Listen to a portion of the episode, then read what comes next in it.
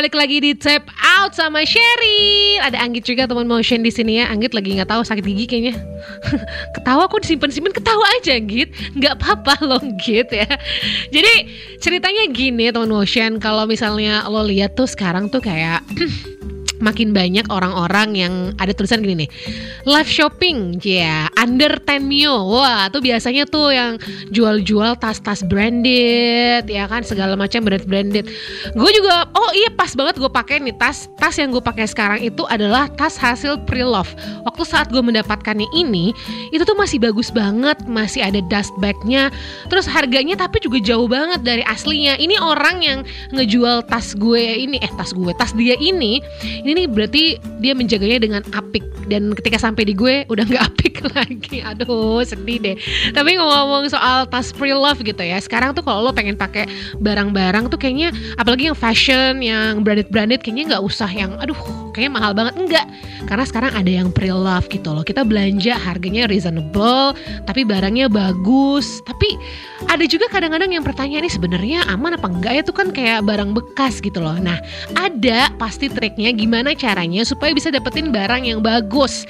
Aku mendatangkan langsung pakarnya ya yaitu adalah Kak Ido selaku editor in chief dari Stylo Indonesia yang jadi Kak Ido ini udah pernah melakukan tiga wawancara dengan reseller fashion branded pre-love terkenal di Instagram yang mana Kak? Sebut namanya. Ada Pixie Authentic ada yang mana? Kak? tahu ya kamu ya. Coba diangkat dulu deh tasnya kan pengen ya, tahu deh yang, yang hasil relevan. Baik baik. Oke. Okay. ada apa ya? Ada Hermesian closet aduh nggak ada, ada. Saya tetap nggak nggak nggak kuat kak.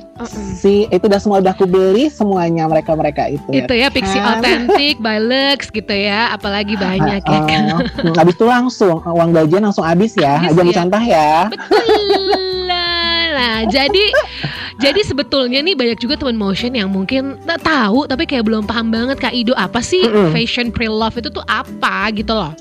Mm -mm, mm Oke, okay.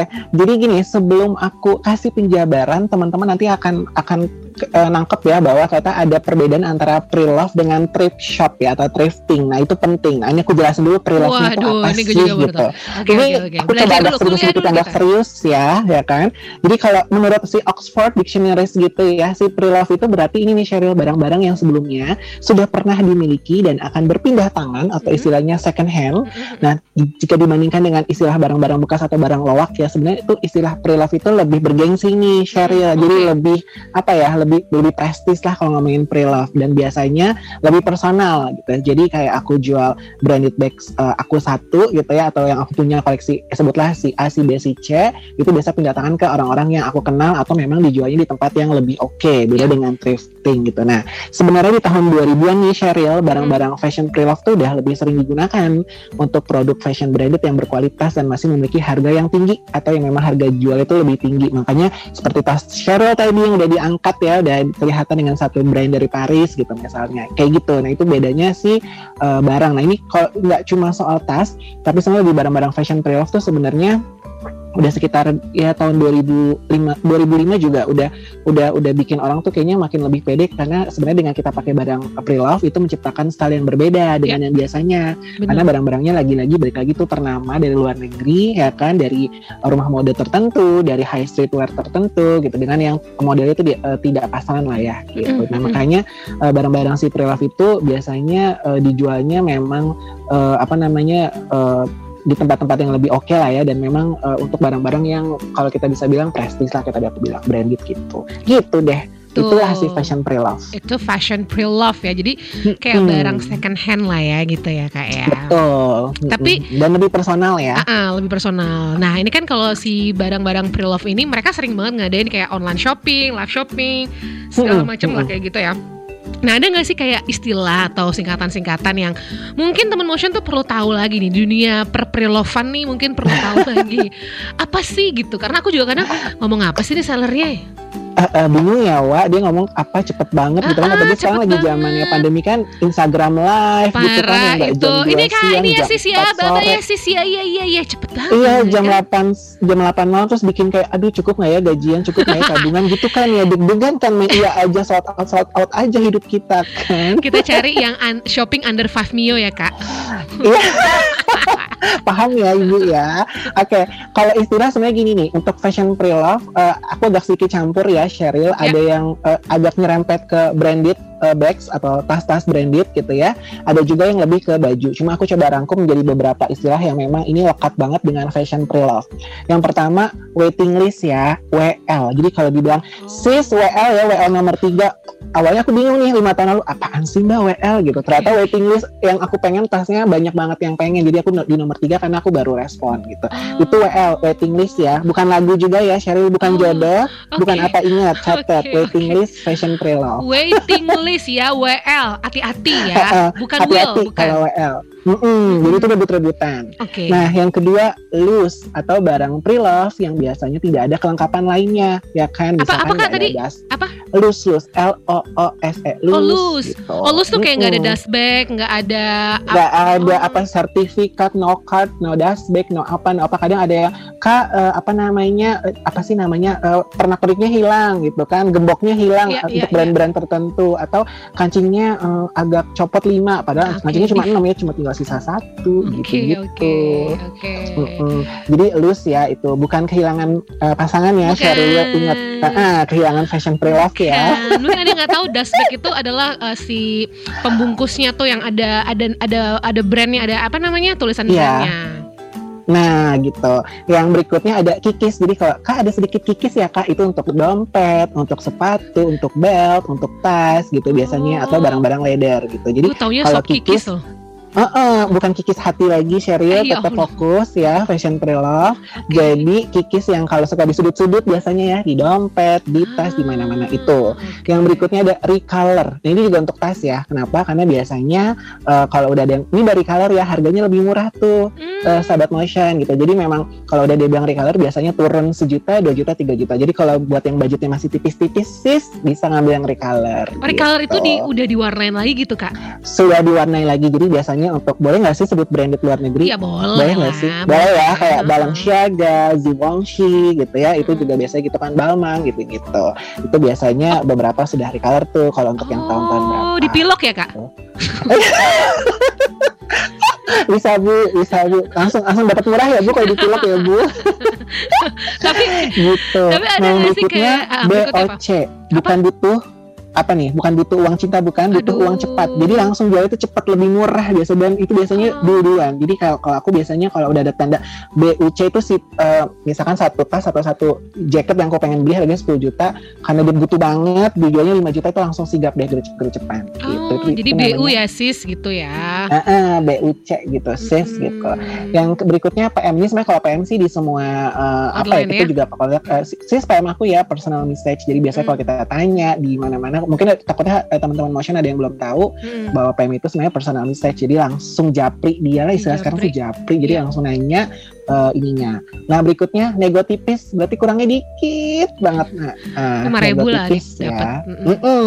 Yang berikutnya no afdan shy. Nggak boleh nawar sadis-sadis shy. Itu Oh. penting tuh. Jadi aku biasanya kalau mau beli jaket outerwear atau beli eh, tas ya aku lebih sering tas berapa bulan sekali gitu. Itu biasanya kayak kak no afdan ya gitu. Kenapa ya? Karena tipis banget gitu. Jadi ya udah itu ya berarti no afdan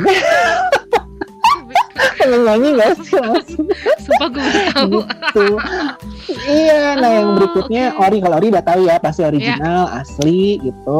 Terus yang hampir terakhir nih ada yang premium atau luxury, biasanya memang udah yang up ke atas ya kayak eh, Chanel gitu-gitu ya. Biasanya udah kalau untuk brand-brand ya gitu kayak Dior gitu atau eh, apa namanya Goyard gitu-gitu Hmm. tuh biasanya di atas itu biasanya kita sebutnya itu. Yang terakhir itu eh sorry ada beberapa lagi sorry ada perfect ada good sama ada brand new atau like new. Hmm. Itu juga penting. Itu biasanya untuk pasti sama barang-barang branded. Jadi kayak kalau teman-teman mau beli kaos, misalkan kayak ada kaos yang emboss gitu ya, Mm. atau uh, macam-macam kan. Nah, itu bisa nanti kalau uh, penjualnya bilang like new ya, gitu itu berarti 90% masih oke. Hmm. Terus ada yang brand new, ada yang perfect. Kalau perfect tuh benar-benar good condition ya, gitu. Jadi memang masih sempurna, bahkan mungkin baru dibuka dari bungkusannya, Yes. belum dipakai banget, itu masih oke, masih ada bungkusan putih-putihnya gitu nah. Gitu. Gitu. Tapi harganya juga mahal Cheryl. Jadi kalau udah brand new, udah like new, udah good condition, ya siap-siap aja merogoh kocek lebih dalam. Gitu Aduh. dah itu istilahnya. Oke, ini banyak Mm-mm. banget nih pertanyaan yang masuk eh, menjadi pertanyaan semua orang. Kalau pengen belanja Mm-mm. fashion pre-love itu tuh caranya gimana gitu kan? Eh, terus tips-tipsnya apa? Dan kan takutnya tuh tokonya nggak aman, tokonya kayak gimana? Trusted nggak? Kayak gitu. Coba tolong dari suhunya dijelaskan. Paham banget ya trusted seller gitu, paham banget yang ngomongnya. Paham sis. Kalau untuk tempat-tempat eh, buat belanja pre-love sebenarnya banyak banget nih gitu. Tapi kalau mau di listingin ya sebenarnya ada ada prilo.co.id nih Cheryl Hmm, itu juga salah satu yang udah agak lama ya gitu. Yang kedua karusel. Kalau teman-teman tahu gitu ada karusel, nah itu karusel juga lumayan biasanya dijadiin tempat kita untuk kayak suka nitip barang dong, Oh, iya, jualin iya, produk-produk iya, yang iya. biasa eh, yang bisa kita pakai gitu. Terus eh, tiga tahun terakhir, empat tahun terakhir ada Tinkerlust ya itu khusus banget fashion-fashion eh, apa namanya untuk fashion items ya biasanya kalau Tinkerlust itu tapi nggak ter- nggak tertutup kemungkinan juga untuk eh, barang-barang kayak tas kayak dompet dan segala macam. Cuma emang Tinkerlust tuh lucu-lucu banget bajunya. Terus ada Bukalapak ada Jualo ada OLX ada Tokopedia ada Instagram account yang banyak banget jual eh, barang-barang fashion pre-love. Tapi nanti kita ngobrol lebih lanjut ya gimana caranya biar kita nggak ketipu atau ini yakin nggak sih gimana nanti di, mungkin di belakangnya gitu. Ya, gitu sih Gitu. Bisa ya. Tapi kan sekarang banyak banget yang kayak jualannya dari akun-akun Instagram gitu ya kak. Mm-mm, mm-mm, uh-uh. Nah, ya itu itu aman udah banyak banget. Makanya kalau dari aku ya, kalau untuk soal tips, sebenarnya tips belanja fashion pre-love itu yang pertama sih, kalau aku ya, teman-teman tuh harus tahu bahwa ini tuh bukan aib ya belanja fashion pre-love tuh jadi Iya, bukan kayak kena penyakit, eh, eh, apa namanya kurap gitu-gitu, eh, apa panu gitu enggak ya kan. Jadi ini tuh bukan aib ingat. Jadi belanja fashion pre-love juga buat aku ini sebenarnya relate sama eh, apa namanya movement untuk eh, sustainab- sustainability, sustainability fashion ya kan. Nah itu biar baju-baju yang kita pakai itu juga jadinya tuh nggak mubazir Mm-mm. gitu kan. Terus Mm. apa namanya juga nggak terbuang jadinya juga jadi sampah, jadi jadi limbah, jadi apa segala macam. Jadi memang fashion berkelanjutan itu tuh itu sekarang tuh jadi eh, tiga tahun belakangan tuh jadi ramai banget para fashionista gitu ya, eh, para fashion junkie dan juga para fashion designer itu banyak banget yang eh, udah mulai aware sama eh, fashion berkelanjutan ini sehingga memang mereka biasanya pakai barang-barang yang udah didaur ulang gitu dan itu keren-keren banget. Yang kedua sebenarnya kalau untuk tips belanja fashion, teman-teman motion harus cek kredibilitas penjual tersebut. Jadi jangan yang eh, ingat untuk Instagram account tuh jangan yang juga karena followersnya banyaknya terus akhirnya kayak udah beli. Jangan juga karena mereka juga bisa beli followers. Jadi harus lihat biasanya taggingan fotonya Ya, terus eh, apa namanya kontak-kontaknya. Kalau aku karena kebetulan kakak semuanya kerjanya di bank aku suka cek. Oh Jadi ya kayak, misalkan Cheryl penjual terus benar nggak transaksinya itu adalah untuk jual-jual? Atau mungkin Betul. dan itu buat aku itu penting sih karena kalau kita udah tahu oh memang eh, dia jualan hijab dan biasanya masuk transaksi hijab oh oke berarti memang benar dia penjual eh, barang-barang itu gitu. Itu penting sih. Jadi harus lihat itu juga sama eh, dia aktif nggak di sosial media gitu. Jadi jangan tertipu juga yang ya, cuma screenshot testimoni ya tapi memang harus lihat eh, engagementnya komen. Karena gini kalau untuk Instagram account banyak banget yang followersnya bisa ratus- ratusan ribu tapi yang likesnya cuma 10 nah Nah. kalau secara sosial media karena aku juga eh, biasa ngurus sosial media juga di Stylo jadi harusnya itu 10 sam- eh, untuk jumlah likes atau interaction gitu ya atau komen itu harusnya berjumlah 10 atau paling banyak 15% dari jumlah followers kita. Oke. Nah, itu tuh Ba- baru sebenarnya di- bisa dibilang organik. Jadi kalau misalkan Yes. Cheryl anggaplah Cheryl itu uh, followersnya uh, Cheryl Prelove Fashion Branded gitu. Mm-mm. Itu 100 ribu, itu harusnya 10 ribu yang likes. Oh jadi kalau Gitu. yang nge-views di bawah itu sih kayaknya itu zong ya? Iya, iya apalagi kalau yang likes cuma 2 3 ah udah baik aja. Nah, ibu akan ditipu nanti Iya, gitu iya, iya. ya Kalau kan. Kalau gue sih kadang-kadang kunciannya biasanya orang-orang yang nipu itu dari Instagram dia bakal matiin kolom komen. Yes, itu juga bisa. iya Nah, gitu. kan? Dan kadang mereka nggak nggak rajin jawabin atau kayak "Eh, ini aja deh apa PM aja, Iya, DM iya. aja gitu. Biasa mereka nggak mau dijawab di kolom komentar tuh. Mm-mm. Nah, makanya teman gitu. motion biasanya ini Instagram Instagram yang jual fashion pre-love yang branded branded, mereka suka Mm-mm. bikin live Instagram, live shopping gitu ya. Apalagi di masa pandemi kemarin tuh kayak almost every day gitu loh. Hmm, banget sehari bisa tiga kali ya bu. Iya, Gitu. pandemi gaji berkurang tapi pengeluaran bertambah gara-gara Ah, fashion ah, pre-love. mata gitu. pengennya belanja mulu gitu makanya itu buat aku tuh penting banget dan eh, biasanya gini sih eh, kita juga harus tengok kanan kiri karena kalau udah yang terkenal itu biasanya memang eh, kadang-kadang harganya bisa agak lebih mahal sedikit Betul. tapi kita lebih nyaman lah ya Betul, lebih betul. aman kayak oh dia emang udah dan mereka udah ngejamin gitu loh Syari kalau dia bilang eh, apa namanya kita bisa ngejamin barangnya ori ya udah enak dan Iya. kalau memang tipu-tipu dikebalin uang nah Betul. kalau aku nih tips yang berikutnya adalah kalau mau itu baju, sepatu ataupun minta foto detail. Karena Yes. kalau memang resellernya beneran eh, apa namanya trusted gitu ya, dia akan ngasih sis atau kak aku kirimin ya semua fotonya seabrek-abreknya sampai kikisnya di mana, bajunya itu udah kotor, noda, kancing copot. Nah kalau bisa video. Aku kalau beli kacamata macam-macam ya kalau mau beli kacamata beli apa. Aku maunya video real. Jadi nggak nggak mau yang cuma foto doang. Karena pengen tahu dari sudut segala macam. Itu sih Iya, yang terpenting. Nah yang keempat tadi tuh pahami ke istilah eh, istilah eh, dalam belanja fashion pre-love ada waiting list ada butuh cepat good condition gitu-gitu. Yang kelima survei harga barang baru di luaran dan harga pre-love di toko lain. Jadi kita tuh nggak akan eh, apa namanya keti, apa ya nggak akan kecelek lah istilahnya Iya, untuk iya. eh, apa namanya harga-harganya. Biar eh, cek kualifikasinya tipis-tipis mirip terus harganya berapa gitu. Hmm. terus yang berikutnya jagoan jago nawar harus jago peres deket sama ownernya atau jaga sama adminnya yang terakhir grand pre-love itu biasanya cuma satu ya kan kayak jodoh bu harus buru-buru bu nanti kalau kelamaan dicantol eh, diambil orang dicatok orang Salah ya nyari tas kayak jadi Iya. jodoh ya.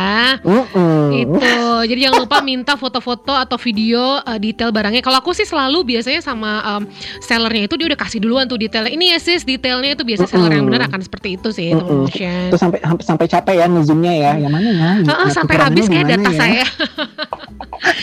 Tadi kita udah bahas fashion pre-love ini dari sisi pembeli nih Kak Ido kan. Sekarang kita akan menguak lebih dalam lagi dari sisi penjual ya. Eh kalau buat temen motion nih misalnya nih mau memulai Mm-mm. bisnis di fashion pre-love gitu. Nah kira-kira menurut Kak Ido langkah pertamanya apa sih Kak? Oke, buat teman-teman yang eh, pengen mulai bisnis fashion pre-love yang langkah pertama adalah ya punya uang sih untuk memulainya. Punya Itu barang ya. yang kayak kemungkinan lo kan mungkin eh, anak sultan banget nih kayaknya aduh barang-barang ini udah gue nggak mau lagi deh gitu kan mau dijual-jualin aja ya kan. Iya, jadi yang pertama adalah tentukan dulu nih produk yang mau dijadiin barang pre-love. Kalau aku, jadi pengen terkenalnya tuh apa sih? Maksudnya pengen jual tuh apa ya? Baju, ya leather, ya branded bags, ya ya sepatu, ya apa ya hijab, ya apa itu penting yang pertama. Karena uh, kalau kita udah fokus di satu atau dua hal gitu ya, udah ini, nah itu biasanya kan lebih apa ya? Lebih spesifik, lebih karakteristik dan juga orang tuh akan tahu nih kalau Cheryl tuh emang kalau mau beli tas mahal, tas Europe ke, ke Cheryl deh gitu. Yes. Atau kalau mau beli hijab-hijab atau abaya-abaya dari Dubai udah ke Cheryl. Jadi maksud aku kayak kayak, kayak media aja, kayak motion aja, kayak style aja Oh. harus punya USP, punya ciri khas sehingga Oh. orang kalau mau ke, eh, ke toko A tuh udah tahu kita mau nyari barang ini gitu kan. Nanti ke- Iya. tinggal step berikutnya adalah kompetisi untuk harga gitu. Clear ya. Jadi sampai sampai pertama ini tuh adalah tentukan dulu produk yang mau dijadikan barang pre-love. Oh, Yang berikutnya adalah tentukan segmentasi pasar untuk melihat juga kemampuan calon konsumen. Jadi eh, ya biasanya kalau udah anak sultan sih mungkin ya udah aja kali ya hempas aja barangnya. Nah kalau buat kita kita gitu ya memang pengen biar dapat cuan dari barang-barang pribadi Mm-mm. itu harus tahu dulu sih kalau kita mau jual itu jual ke mana. Yap. Bukannya tanpa eh, ini ya mengurangi eh, untuk sosial media beberapa gitu. Banyak juga orang tuh kadang jual barang-barang mahal banget tapi di Facebook. Nah kalau kita mau lihat kan sebenarnya orang sekarang udah arahnya ke Instagram. Nah Ya. secara uh, konsumen, secara apa kan sebenarnya juga uh, Instagram juga udah lebih banyak dan biasanya orang-orang tuh udah tahu ya kalau barang-barang yang dijual di Instagram tuh biasanya lebih lebih prestis lah gitu sehingga memang kalau untuk barang-barangnya yang mahal buat aku memang lebih cocok mungkin di Instagram gitu nah nanti kalau di Facebook untuk yang barang uh, lebih masnya gimana Sheryl? Iya iya iya. Jadi di di Instagram kayaknya lebih uh, better gitu ya untuk menjual barang-barang Iya. pre-love yang branded. Nah, gitu untuk barang-barang yang lebih Hmm. mahal. Nah, terus kita harus tahu dulu mau offline atau online atau dan juga berikutnya lewat platform apa. Kalau offline eh, itu ada biaya operasional, ada biaya sewanya atau mungkin mau di rumah di mana di mana bikin u- eh, buka kios, buka eh, warehouse apa buka toko apa segala macam. Nah, sekarang kan lebih simpel dengan online ya. Paling cuma kalau kita mau bikin website paling kan bayar domain gitu Yes, kan ya yes, harus ya yes. gitu-gitu lah ya biaya-biaya untuk websitenya.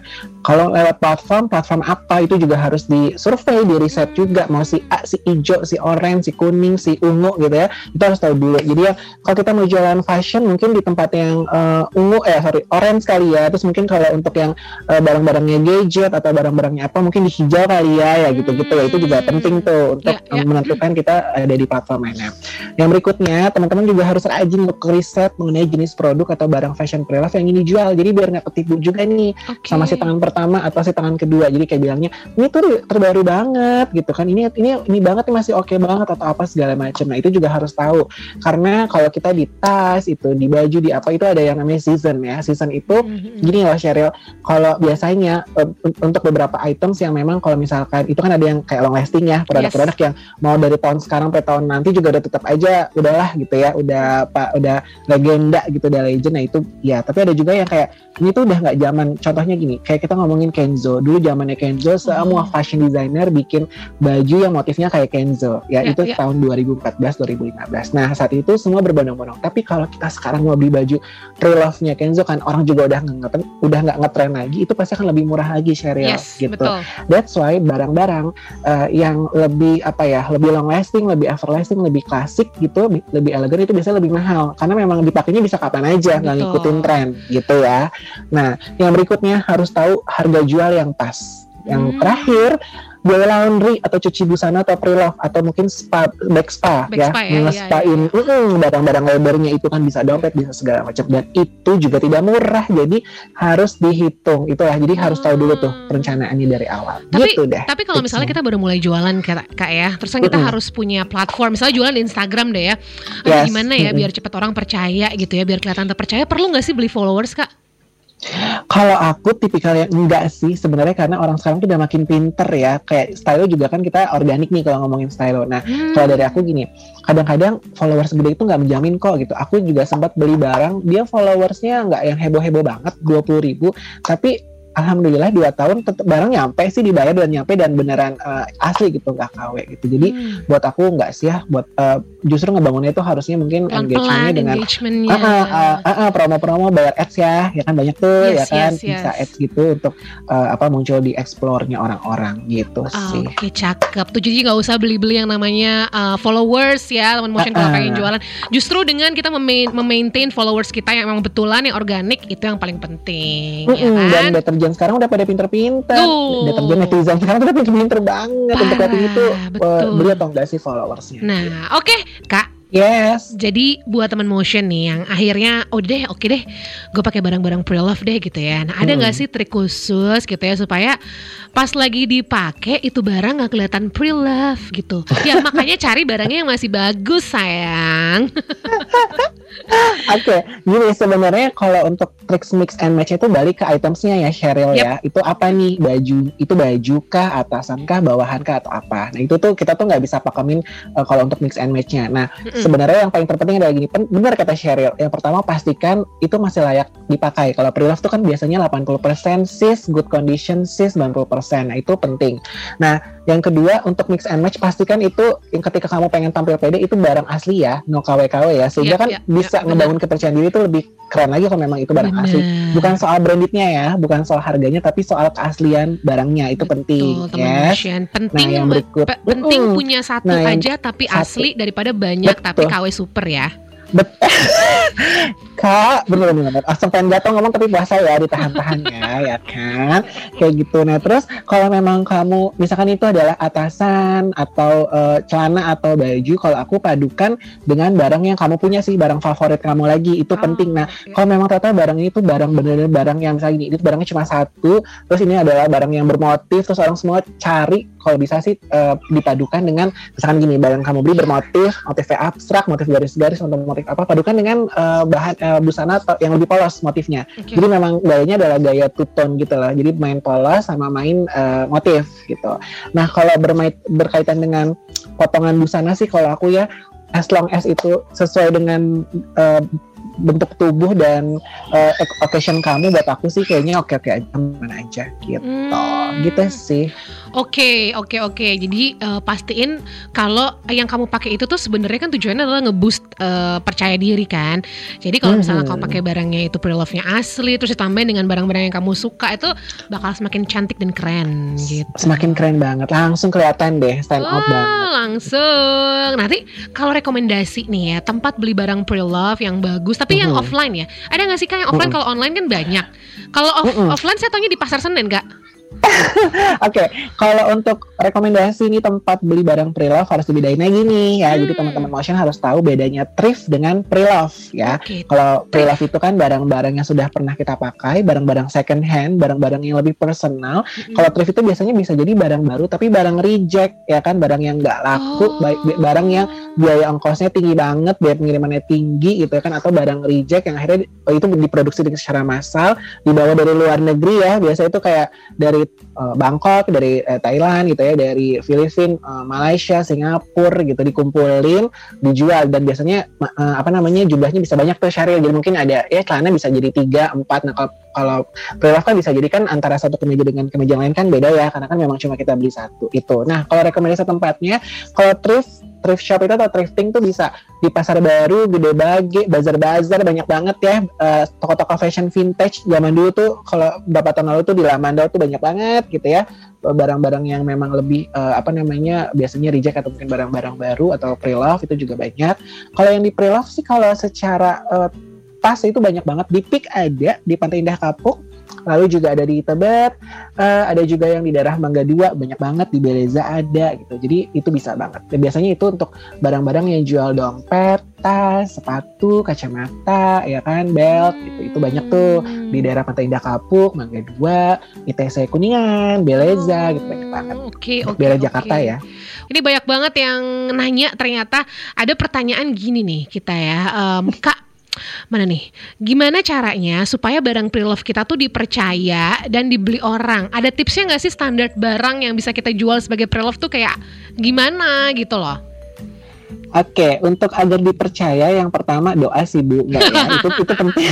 ya Allah, itu pentingnya oh. ya kan berdoa kepada Allah Subhanahu wa taala. Nah, yang berikutnya barang tuh harus terjamin keasliannya, no tipu-tipu KW ya kan yeah. kalau udah sekali ada kedapatan hmm, apa namanya bohong-bohong, tipu-tipu tuh biasa sekarang cepet ya. Netizen kan lambe-lambean kan cepet. Jadi uh, itu wajib banget untuk menjaga kredibilitas. Nah, yang berikutnya itu buat aku adalah harga harus bersaing. Jadi juga jangan terlalu murah. Kalau terlalu murah nanti orang curigation. Itu yes. tuh adalah barang-barang KW. Jadi kayak penting banget untuk naruh harga juga nggak terlalu mahal dan yang pas-pas aja lah. Yang penting margin selamat ya Bu gitu.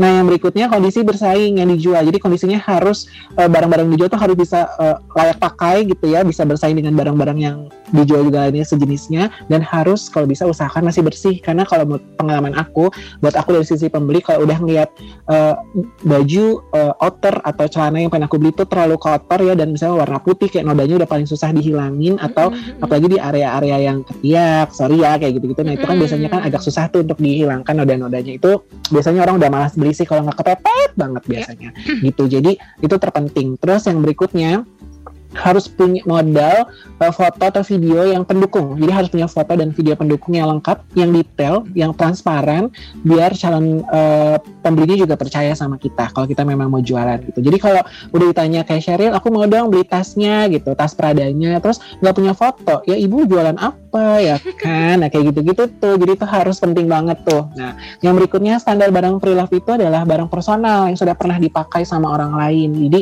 dibedain ya dengan yang tadi aku bilang itu karena biasa kalau thrift kan barang-barang reject, barang-barang sisaan, hmm. itu barang-barang yang memang nggak laku karena ongkos produksinya mahal banget atau ongkos distribusinya mahal. Gitu sih Cheryl hmm. dari aku. Oke, okay. nah ini ada pertanyaan nih sangat menggelitik dari Aprilia Maharani. Uh, mana nih? Ada bedanya nggak sih barang pre-love sama barang bekas? Karena saya pernah mau beli barang di sebuah marketplace. Tapi ketika saya tanyain barang bekas itu, si sellernya tuh nggak mau terima. Itu nggak mau terima disebut barang bekas. Dia menekankan itu barang pre-love gitu ya. Sebenarnya apa sih perbedaan antara pre-love dan barang bekas? Ya Oli, itu seller sensi ya. ya uh, uh, Oke, okay. sebenarnya gini lucu ya. Sebenarnya barang pre-love itu ya barang second hand, barang Iyalah, bekas. Jadi gitu, sama iya. aja nggak ada bedanya gitu kan. cuma mungkin buat ngejaga image aja sih. Karena kalau aku gini kalau aku bilang barang pre-love aku juga nggak masalah. Itu memang barang second hand kan jadi sebenarnya nggak ada masalah. Nah kalau dibilang perbedaan nggak ada beda sama sekali. Jadi itu mah cuma kembali aja ke sensi-sensiannya aja hmm. uh, sellernya gitu. Atau mungkin biar image naik kali ya kalau barang bilang barang pre-love gitu sih. Tapi thank you ya pertanyaannya. Yes okay itu ya. loh. karena mungkin kalau dibilang barang bekas agak kurang pas dengan kalau dibilang oke okay, barang bekas gitu mereknya ya, LV gitu ya. LV bekas gitu LV bekas, ya, bekas. LV bekas gitu Prada bekas gitu kayak oh aneh ya gitu. Tapi kalau oh, LV pre-love gitu kan kayak cocok lah tapi, sepadan. tapi kalau mobil atau motor pre-love juga unyu ya kak. Ini agak kurang cocok ya mendingan mobil bekas ya atau motor bekas. Iya. kayak motor pre-love gitu. Gemes banget gak sih bapak-bapak jual motor pre-love? Itu happy ya bu Bener-bener Mungkin kan pre-love Jadi barang itu udah sempat dicintai sebelumnya gitu Disayang-sayang yes, Gitu. Habis itu dilepas ya kan uh, uh, ini oh, berarti, Itu selingkuh gak sih Bu? Itu, itu barangnya dia bener. sih? Berarti ya? mungkin uh, pasangan juga Nih saya pasangan saya Saya pre-love mau gak gitu kan.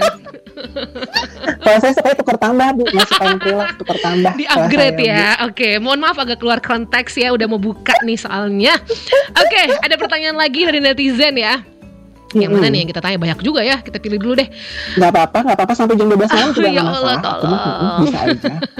Nih kan sekarang lagi banyak toko yang mulai menjual pre-love secara online. Mau dong kak tips untuk kita yang yang uh, mau beli pre-love secara online tapi takut barang yang datang nggak sesuai sama foto. Oke sebenarnya udah di, udah dikasih sedikit ya tips-tipsnya tapi nggak apa-apa diulang lagi oleh kakak guru kita. Silakan kak Oke, tadi sebenarnya kalau tipsnya sama ya gitu. Yang penting adalah tuh cek kredibilitas si penjual tersebut ya kan, bener dong ya kan harus harus banget. Kalau enggak ya udah deh ya susah deh tuh itu barangnya atau uh, KW atau enggak. Nah terus detail barang tuh penting banget, minta foto bahkan uh, video yang yang real ya produk-produk tersebut ya biar juga uh, apa namanya enggak enggak ini nih enggak nanti orang nggak percaya jadi ada yang uh, melar, uh, resettingnya udah rusak, pokoknya kita menghindarin kondisi-kondisi yang udah nggak oke okay banget gitu. Mm -hmm. Terus uh, yang terpenting adalah kita harus tahu juga sih istilah dalam tadi itu kita mau beli barang fashion pre lah apa uh, new brand ya kan atau segala macam tadi kan ada yang good condition, ada yang perfect, ada yang segala macam. Sama rajin-rajin survei. Bener nggak sih untuk satu model ini nih memang modelnya tuh asli gitu loh Sheryl. Maksudnya jangan sampai nanti kita juga ketipu misalkan kita mau beli hmm, apa nih mau beli uh, apa belt, mau beli uh, outer, mau beli sweater yang apa ini harus tahu juga karena kan beberapa barang uh, asli itu biasanya tuh ada kalau yang mau udah agak lebih up ya itu biasanya udah ada yang sertifikatnya atau labelnya. Embossnya beneran enggak kadang sekarang banyak banget kan kalau boleh dibilang ada yang orang bikin-bikin apa tuh tas-tas uh, ala-ala tote bagnya uh, Dior, Dior gitu ya? kan. Iya semua orang uh, beli semua orang bikin gitu. Buat aku sih itu juga penting tuh karena kalau di uh, lihat sekilas sebenarnya secara di foto tuh hampir mirip tuh Sheryl kalau yes. uh, emang apanya premium ya kualitasnya betul, premium. betul, tapi kalau dipegang sedikit berbeda. Memang untuk yang part tote bag Dior ini sedikit berbeda gitu. Hmm. agak-agak susah gitu untuk uh, melihat ini asli atau palsu gitu. yes betul sekali. Aduh gila seru banget ngobrol-ngobrolnya. Ini sebenarnya pertanyaannya tiga hari tiga malam masih nggak habis kak dari netizen ya Allah, yang sudah kak, memberikan. kayak menikahan ya kak? Oh, banyak udah kayak konsultasi dokter Tapi nggak apa-apa kita keep dulu. Nanti kalau misalnya memang masih mau nanya-nanya lagi, langsung aja nanya ke silo.indonesia di situ nanti pasti bakal dijawab gitu ya soal uh, barang-barang pre-love ini. Tapi yang jelas kalau uh, saran dari aku sebelum kita dengar saran-saran terakhir dari Kak Ido, saran dari aku adalah barang pre-love itu tuh bukan barang bekas dan eh, nggak uh, perlu malu untuk pakainya. Justru malah barang yang sempat disayang banget sama pemilik sebelumnya. Tapi yang kedua juga sesuaikan budget teman motion, jangan maksain diri untuk pengen beli tas yang ono tapi budgetnya pas-pasan misalnya misalnya kan yang penting kan look good di kamu aja gitu bukan masalah brandnya gitu.